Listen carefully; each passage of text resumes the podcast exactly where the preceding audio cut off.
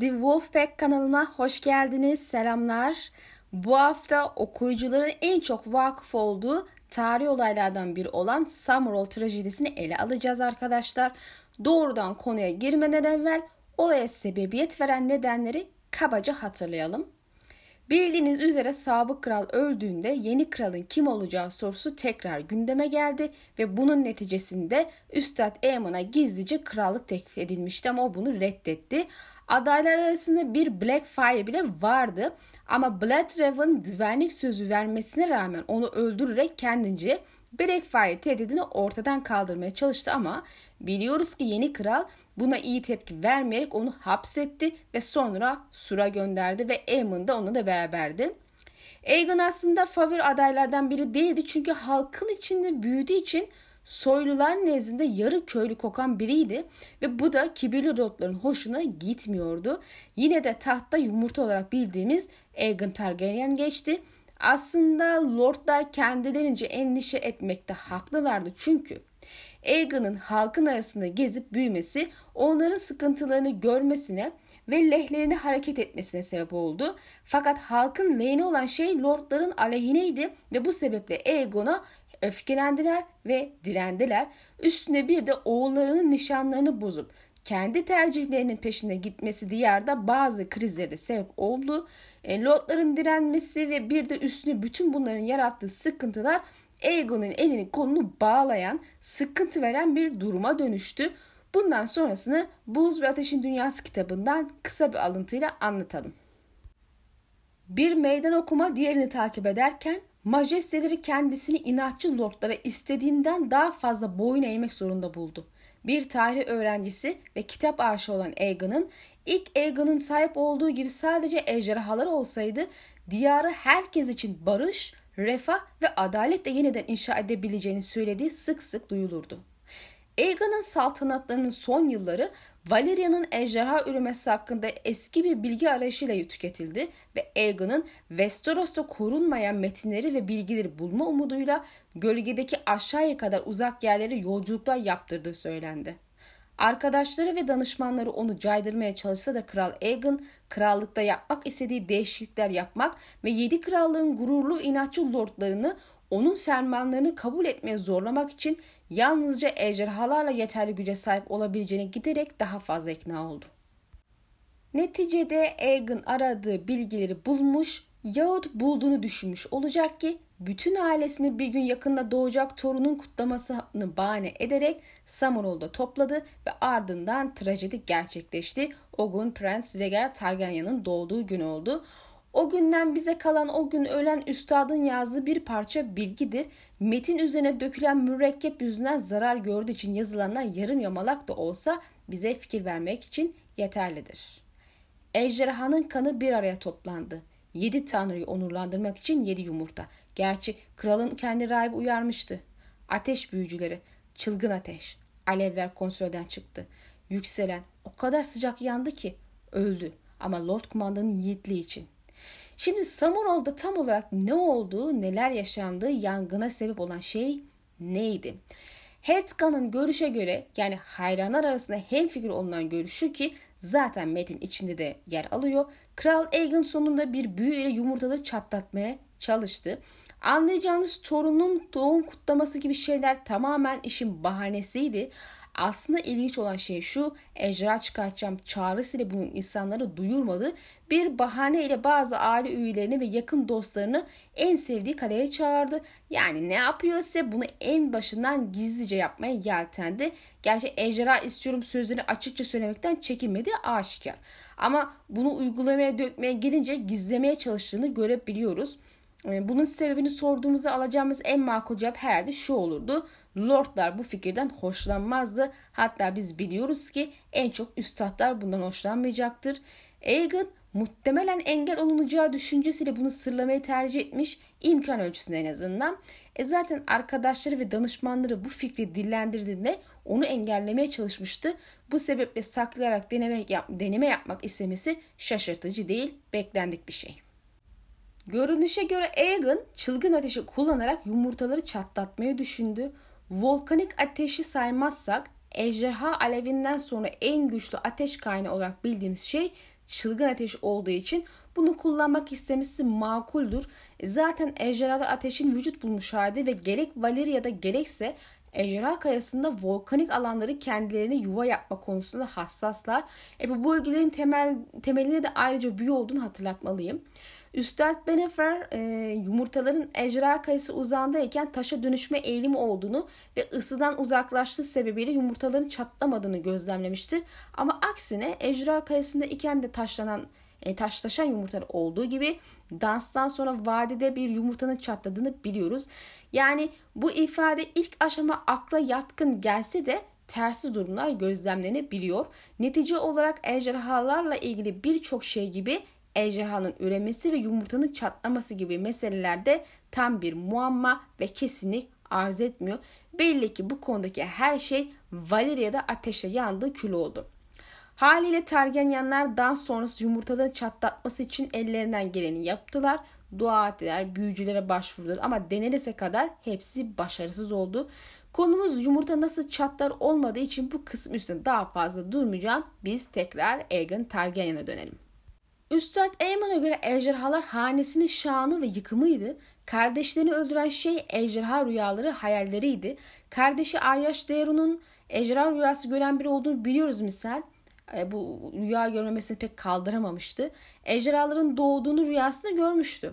Muhtemelen Kral Aegon'un yumurtaları çatlatabileceğine dair duyduğu inanç buradan geliyor olabilir. Hemen Aegon'un geçtiğinden bir alıntı yapalım. Bir gün ejderhalar geri dönecek. Kardeşim Daeron bunu rüyasında gördü ve Kral Aerys bunu bir kehanette okudu. Değmen ikinci Blackfire bile rüyasında ejderha görmüştü ve bunu sarf etti, ifade etti yani. Elbette kehanetleri yorumlamanın sakat işi olduğunu biliyoruz. Kanatlı derken iki ayaklı ejderhadan bahsediyor olabileceği gibi tam tersi olması mümkündür. Netice olarak ejderhaların yeniden doğacağı kehaneti Kral 1. Aerys'e kadar gidiyor 5. Aegon tabii ki bunları biliyor. Ejderhalara da ihtiyacı olması onda bir ejderha takıntısına sebep olmuş gözüküyor. Dünya kitabında ejderha rüyaları görmeye başlamasından bahsediyor. Elbette buradaki rüya daha çok hayal manasında takıntı ifade ediyor. Aemon da aslında dreams demişti. E, Egan'ın ejderha rüyaları gören biri olduğunu sanmıyorum. Neticede öyle olsaydı bence çoktan o hikaye, hikayelerde ortaya çıkardı bu. Onun olayı daha çok saplantı noktasında ilerliyor. Hayal noktasında. Her şekilde Aemon haklıydı. Kardeşlerini bu ejderha rüyaları, hayalleri mahvetti. Çılgın ateşin doğasını biliyoruz. Aslında ateş büyücüleri ya da kainler de diyebiliriz. Onları bazı tısımlarla üretiyorlar ve ejderhalar doğduktan sonra bazı tısımların daha etkili olduğu için üretimin hızlanmasına sebep olduğunu biliyoruz. Yani çılgın ateş üretiminde bir büyü kullanımı söz konusu. Büyünün olduğu yerde de bir denge sorunu her zaman vardır arkadaşlar. Büyüye ve büyü ile bağlantılı şeyle tam olarak asla güvenemezsiniz. Nitekim çılgın ateş de çok tehlikeli ve en ufak bir hatada felakete sebep olacak zincirleme bir tepkiye sebep olabiliyor. Olası bir kazanın sonunda ateş büyücüleri çılgın ateşi boğup söndürmesi için kum dolu bir düzenek kurmuştur. Bu şekilde felaketin büyümesi ve yayılması önüne geçilir. Elbette odada bulunan kişinin öleceğini unutmamak lazım. Duncan prensesi yani Rhaegar'ın annesini vesaire kurtardıktan sonra kaleye geri dönüp muhtemelen Aegon'u veya diğerlerini kurtarmaya yeltendiğini ama hepsinin öldüğünü biliyoruz. Duncan hikayelerinde Duncan'ın Aegon ile beraber kumlara gömüldüğü bir rüya gördüğünü de biliyoruz.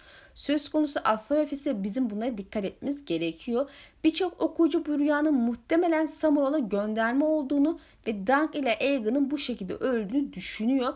Yani ateş kainatçileri olası bir kötü durumun önüne geçmek için kum düzenini odaya kurarlar. Olay kontrolden çıkar ve bir süre sonra düzenek devreye girerek kumu odaya boşaltır ve netice olarak kral ve Dunk ölür.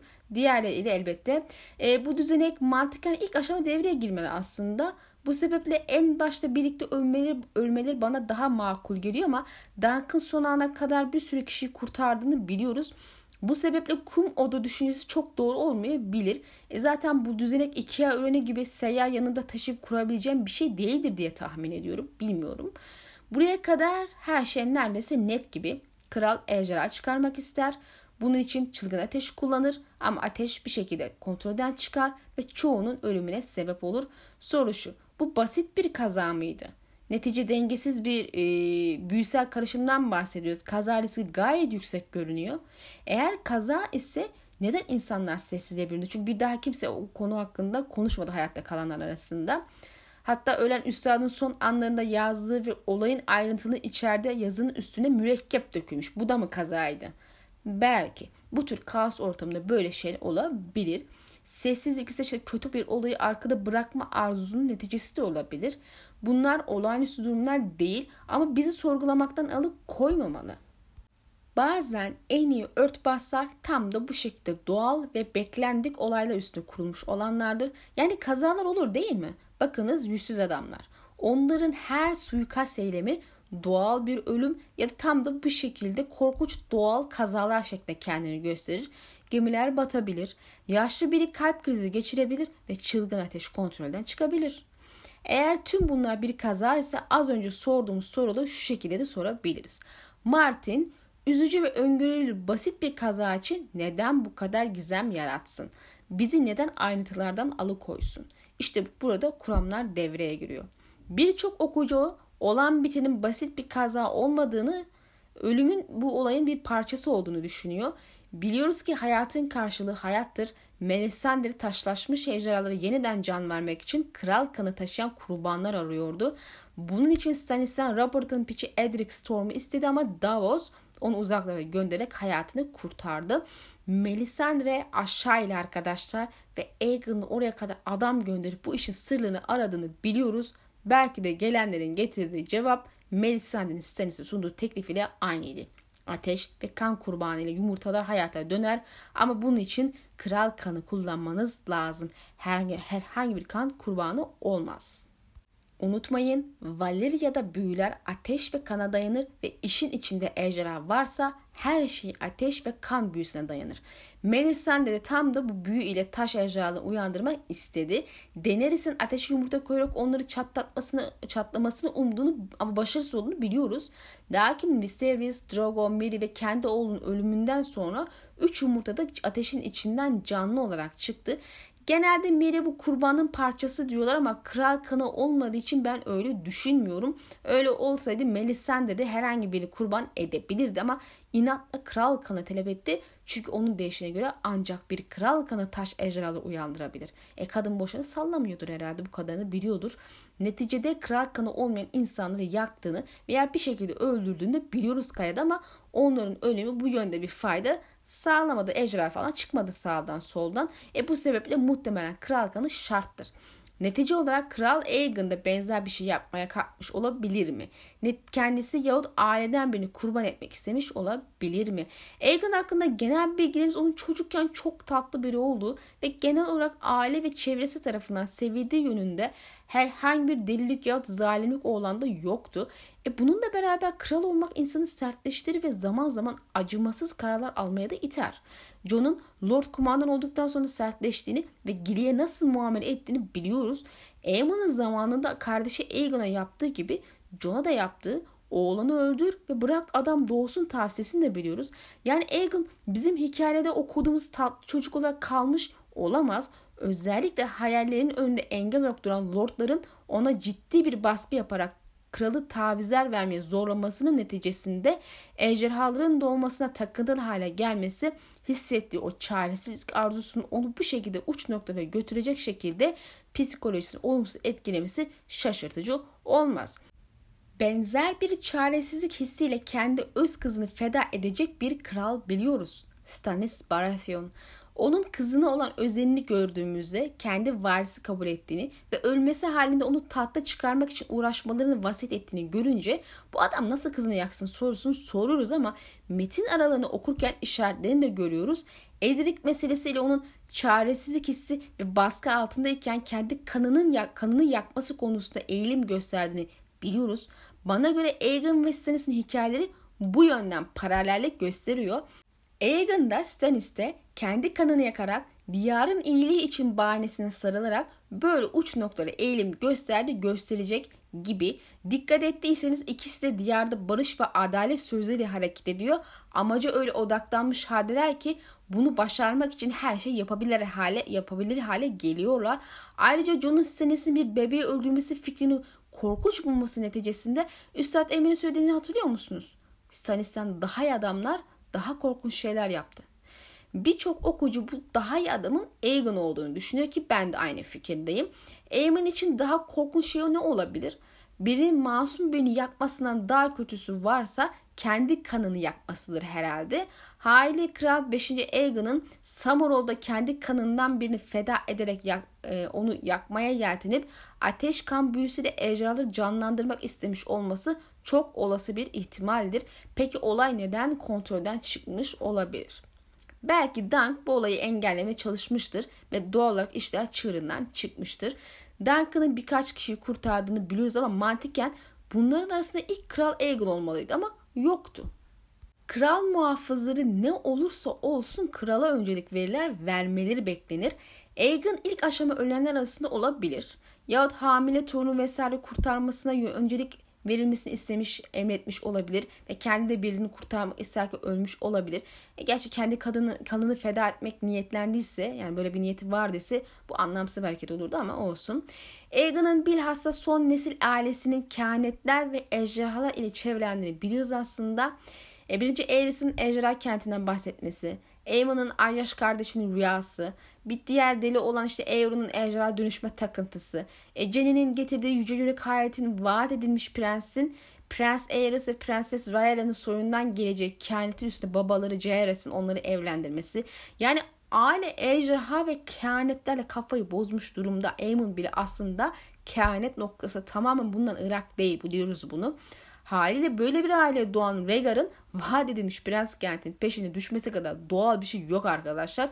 Atalar aşılamış zira buna. Kral Aegon'un da bu takıntıya sahip olması ve içinde bulunduğu politik sıkışıklık ve diyarın iyiliği saplantısını onu bu yola sokması normal diye düşünüyorum. Acaba dedim 7 ejderha için 7 kişiyi feda etmek istemiş olabilir mi? Muhtemelen kral bütün aileyi topladı. Neticede sen gel sen gelme diyecek hali yok. E doğal olarak buna akıbetini bilmediğimiz kız kardeşler, yeğenler vesaire de dahil oluyor. Mesela hatırlarsınız Blackfire sorunsalı videomda Maegor ve Valea'ya ne oldu bilmiyoruz demiştim. Aerys'in Regal için ejderha kanı araması kuzenlerinin ve büyük halaların öldüğü manasına geliyor. Hiçbirinin çocuğu olmadığına göre bu evlenme ihtimal bulmadan öldüler demek yahut evlense bile çocuk sahibi olmadan öldüler demektir. E, Samuror onların ölüm yeri olabilir. Bu da neden geriye bu kadar az Targaryen kaldığını açıklar. Yine de kan kurbanı ile ilgili şöyle de bir pürüz var. Tüm aile Aegon'un bu çılgınlığına ortak olur mu? Hepsi kurban edilmeye yahut kendilerinden bazılarının kurban edilmesini ses çıkarmadan onay verir mi? Hiç sanmıyorum. Aegon'un da bunu bekleyeceğini sanmam yani izin vereceklerini. Bu sebeple ortada bir kan kurbanı varsa seçilen kişi gizlice kurban edilmeye çalışılmış olabilir. Yahut Aegon'un kurban girişimi basitçe el kesip kan akıtmakla sınırlı da olabilir. Yani hiçbir şey olmasıyla belki kendini feda etmeye gönüllü olmuştur. Olayın ardındaki sır perdesi ne olursa olsun sonunda da Aegon elbette arzu ettiği yumurtada çatlatamadı ve öldü. Martin'in yaverleri dahil birçok okuyucu kehanetlerin beklenmedik şekillerde gerçekleşmesinden yola çıkarak Doğan ejderhanın Rhaegar olduğunu ve Aegon'un aslında umduğu şekilde olmasa bile başardığını iddia ediyor. Neticede Rhaegar'a son ejderha deniyordu. Eğer Rhaegar vaat edilmiş prensin kendisi değilse ki bir süre o ve Aemon Azor Ahya olduğunu inandı. Bu yoruma çok katılamıyorum. Bazıları bu şekilde de yorumluyor. O aslında prensiydi ve Lyanna ile ışık getiren olan Jon Snow'un doğmasını sağladı. Lakin kainette kanlı yıldız ve ejderhaların doğması ile ilgili bir şeyler de vardı. Hadi ejderhayı simgesi olarak ışık getiren kabul edebiliriz ve onu da Jon Snow olarak öyle severiz. Böyle bir yorumlayabiliriz yani bunu. Lakin hala kanayan yıldız meselesi sorunu var. E, Rhaegar Aegon doğduğunda kırmızı kuyruklu yıldızı gördü diye oğlunun Azar Ahai olduğunu inanmaya başlamıştı. Ayrıca kahraman Azar Ahai'nin kendisi kendine göre kılıcın kendisi değil yani o kahraman. E, kılıç sadece kahramanın dövüşürken kullandığı bir silah. Bir önemli ayrıntı da kehanette kılıcın yeniden imal edileceğinden bahsetmiyorlar arkadaşlar. Bu sebeple Azorhan kehanetinde kılıcın yeniden dövüleceği noktasını çıkarmak pek doğru gelmiyor bana. Yani görünüşe göre Rhaegar Azor Ahai'de değil. Bu sebeple kehanet noktasında ejderha geri dönecek meselesi Rhaegar olamaz. Ayrıca bu olay olmasa bile Rhaegar doğacak da hali mantık nedir? Sıfır. Yani Aegon hiçbir şey başarmış değil. Herkes pisi pisini öldü. Bu hikayeden çıkartacağımız yegane sonuç Targaryen'in ejderha takıntılarının sonlarına getirdiği, ayrıca çaresizliğiyle en iyi insanlar ve çok korkunç kararlar alabiliyor. Eğer Kral Aegon gerçekten Aesna beni kurban etmeye kalktıysa elbette. Ee, tabii kuramlar bunlarla sınırlı değil. Aegon'un yumurta çatlatma arzusu meselesi tamam bu konuda farklı fikirler var diyem ama felaketin sebepleri noktasında kan fedakarlığı ve Duncan müdahalesinden başka farklı bir diğer görüşte Aegon'un çıkardığı yasalar ve çıkarmak istediği başka yasalar yüzünden kendine birçok gol düşman edilmiş olması neticesinde bir komplo sabotaj yapılmış olma ihtimali.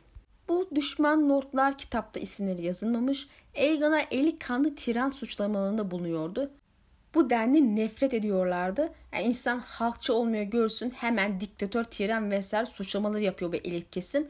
Aegon'a denmez ki ya bu. Neyse.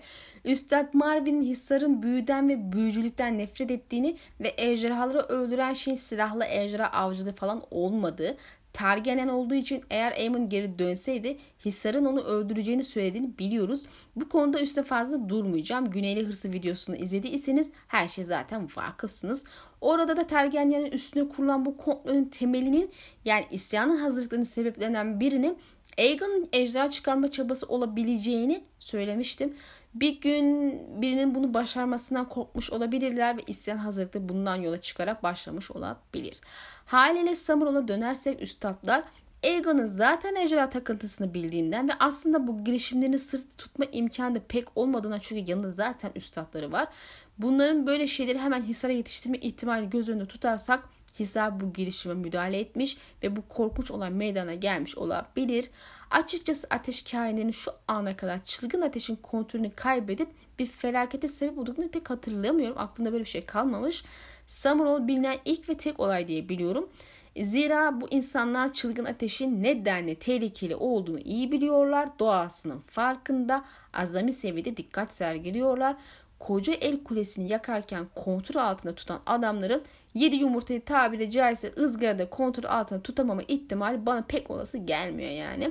Elbette kan kurbanı varsa daha büyük bir ateşten bahsediyoruz ama gene de durum bence değişmiyor. Bu sebeple ama böyle ama şöyle birilerinin müdahalesi olmuş olmalı. Amaç belki oradaki tüm Targaryenları öldürmekti ama bu ateş herkesi üstad ve Targaryen olmayan diğerlerini de kapsar. Bu kadarını planlayacaktın sarmam üstadların vesaire. Yani bize o kayıtları yazan üstad kaçmak yerine neler olduğunu yazarak kayıt altına almaya çalıştı. Yani böyle bir plan vardıysa adam evvelden topuklar da elde. Bu sebeple amaç sadece büyünün gerçekleşmesini engellemek olabilir ama neticede engelleyeyim derken kendileri olaya sebep olmuş olabilir. Yine de bunun nasıl olabileceğini hiç bilmiyorum. Yani ne yapmış olabilirler ki bunlar büyücü değil. Büyüyle bir müdahale de bulunamazlar. E, haliyle geleneksel yöntemlerle bir şey yapabilirler ama onca insanın gözü önünde ne yapabilirsin ki? Öncesinde imasını yaptığım gibi yüzsüz adamların işi olabilir mi? Belki Hisar'ın kendisi onları kiraladı. Belki onlar bir şekilde haberi oldu. Kendileri müdahale etmek istedi. Elleri değmişken hepsi ölsün demiş bile olabilirler. Neticede bu adamlar koca Valeria'yı ve içindekileri öldürdü. Bir avuç Targaryen'i öldürmek bir sorun olmaz. Unutmamak gerekir ki ejderhaların doğması onlardan nefret eden ve muhtemelen büyük ötekiye tapan yüzsüz adamlar için hiç de iyi bir şey değil. Bu sebeple onların bir müdahalesi şaşırtıcı olmaz bence. Peki siz ne düşünüyorsunuz? Samural'ın ardında yatan sırlar nelerdir? Yorumda paylaşmaktan lütfen çekinmeyin. Videomuz burada sona eriyor. İnşallah genel olarak beğenmişsinizdir. Paylaşmayı ve yorum yapmayı ve beğendi tuşuna basmayı lütfen unutmayın. Bir sonraki videoda görüşmek dileğiyle Allah'a emanet olun.